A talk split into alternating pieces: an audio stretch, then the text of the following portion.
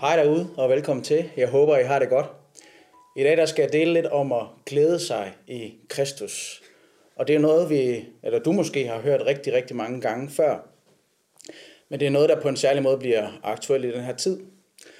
I søndags der talte jeg om, at i min søndagsprædiken, om at det nogle gange er svært at tro på de ting, vi siger i de gode tider, og tro på dem i de svære tider.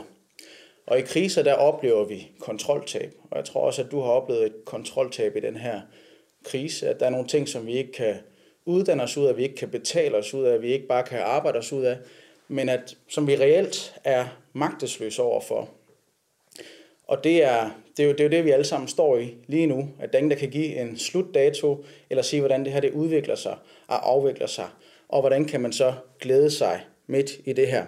For Jesus han siger faktisk, at vi ikke skal bekymre os, og at vi altid skal glæde os. Vi skal læse sammen fra Matteus evangeliet, og det er fra kapitel 6, vers 25 til 34. Og der står, Derfor siger jeg jer, vær ikke bekymret for jeres liv, hvordan I får noget at spise og drikke, eller for hvordan I får tøj på kroppen. Er livet ikke mere end maden, og læmet mere end klæderne?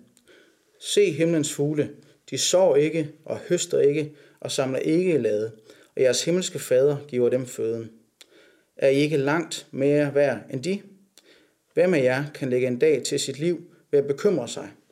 Hvorfor bekymrer jeg for klæder? Læg mærke til, hvordan markens liljer gror. De arbejder ikke og spinder ikke, men jeg siger jer, end ikke Salomo i al sin pragt var klædt som en af dem. Klæder Gud således markens græs, som står i dag, og i morgen kastes i ovnen, og meget snarere så ikke jer i lidetroende. I må altså ikke være bekymrede og spørge, hvordan får vi noget at spise og drikke, eller hvordan får vi tøj på kroppen. Alt det, det søger hedningerne jo efter, og jeres himmelske fader ved, at I trænger til alt dette. Men søg først Guds rige og hans retfærdighed, så skal alt til andet gives jer i tilgift.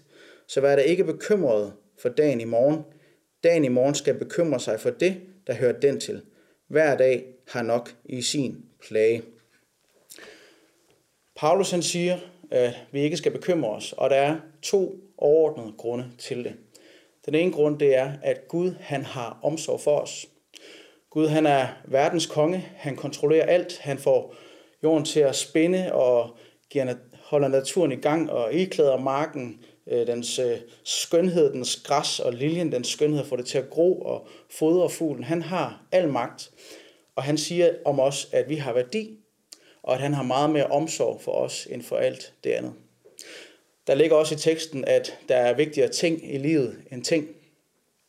Så den første ting, det er, at Gud han har omsorg for os, og han har faktisk magten til at vise den omsorg og sørge for os, og han kender vores behov allerede før vi fortæller ham, hvad det egentlig er. Den anden grund, det er, at det ikke gør nogen forskel at bekymre sig. Du kan ikke ændre morgendagen ved at bekymre dig. Du kan ikke kontrollere omstændighederne omkring dig ved at bekymre dig. Du kan ikke ændre fremtiden ved at bekymre dig. Det gør ingen forskel, om vi bekymrer os. Det gør måske en negativ forskel for dig, men det gør ikke nogen positiv forskel på dine omstændigheder. Du kan ikke lægge en dag til dit liv, eller trække en dag fra ved at bekymre dig. Så det er de to grunde til, at vi ikke skal bekymre os. Og øh, jeg tror, det er udfordrende i sådan en krise her, hvor at vi oplever et kontroltab. Og jeg tror egentlig ikke, at den her situation tager så meget kontrol fra os. Jeg tror mere, at den afslører, hvor lidt kontrol vi egentlig har. At der er nogle ting i tilværelsen, som er givet, som vi ikke har magt over, som vi ikke kan gøre noget ved. Og det er udfordrende i en tid, hvor at vi gerne vil kontrollere vores fortælling om os selv, vores identitet, vores køn, vores familiestruktur, vores uddannelse, vores karriere. Vi vil gerne skabe os selv, og vi vil gerne skabe vores omgivelser.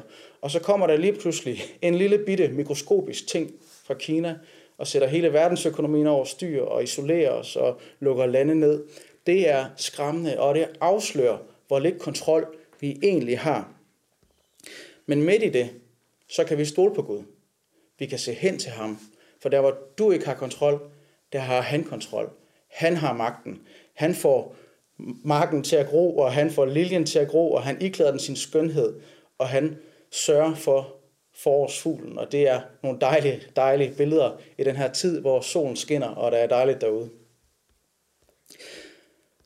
Derfor kan Paulus også sige, at vi kan glæde os altid i Kristus. Hvis vi søger hans rige og hans retfærdighed, så kan vi glæde os. Og Paulus han siger det på en lidt anden måde i Filipperbrevet. Så siger han det sådan her i kapitel 4, vers 4-7. Glæd jer altid i Herren. Jeg siger af dig, glæd jer. Lad jeres mildhed blive kendt af alle mennesker. Herren er nær. Vær ikke bekymret for noget, men bring i alle forhold jeres ønsker frem for Gud i bøn og påkaldelse med tak. Og Guds fred, som overgår al forstand, vil bevare jeres hjerter og tanker i Kristus Jesus. Paulus han siger ikke, at vi skal glæde os over alting. Det er ikke alt, vi skal, som vi oplever, som vi kan glæde os over. Der er ting, som vi kan opleve, som kan bekymre os. Der er ting, som vi oplever, der kan være negative. Og det kan vi godt være ærlige omkring. Vi behøver sikkert at være naive. Vi behøver sikkert at prøve at skabe en virkelighed, som ikke er virkeligheden. Vi kan godt anerkende virkeligheden for det, den er. Nej, det han siger, det er, at vi skal glæde os altid. Vi skal glæde os altid. Så midt i stormen, midt i sorgen, midt i depressionen, midt i ilden, midt i det, der er svært, midt i det, der gør, dig, gør ondt, midt i det, der gør dig ensom, der kan du glæde dig. Du kan glæde dig. Hvorfor? Fordi du glæder dig ikke over alting, du glæder dig altid i Herren. Og Herren, det er Jesus Kristus. Og i ham kan vi altid glæde os. Vi kan altid glæde os over, at han har besejret døden, sorgen, mørket. Det har, det har han besejret ved sin død og opstandelse på korset. Så vi kan glæde os under de her omstændigheder på grund af Jesus. I Herren Jesus.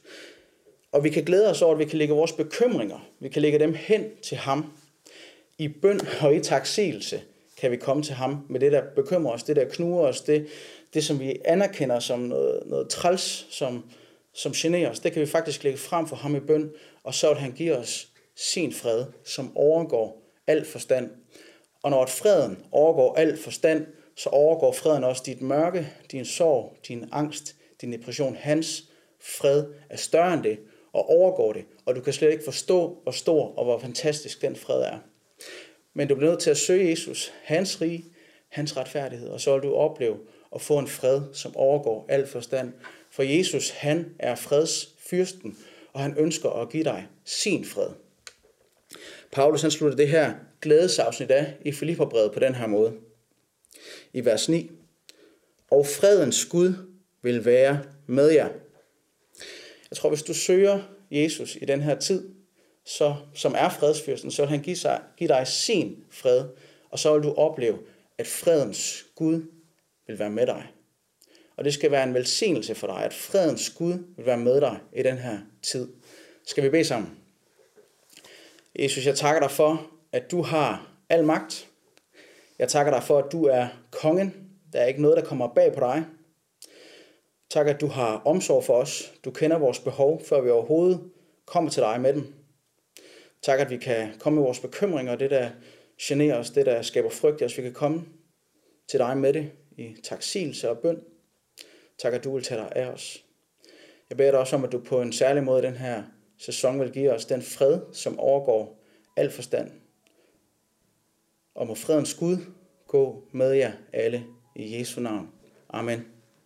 Tak fordi du kiggede med, og øh, giv gerne videoen et like eller en kommentar, eller del den meget gerne. Vi håber, det er til glæde for dig og til opmundring, og øh, håber, du har lyst til også at se de andre videoer, vi lægger ud her løbende. Guds fred derude, og rigtig god dag.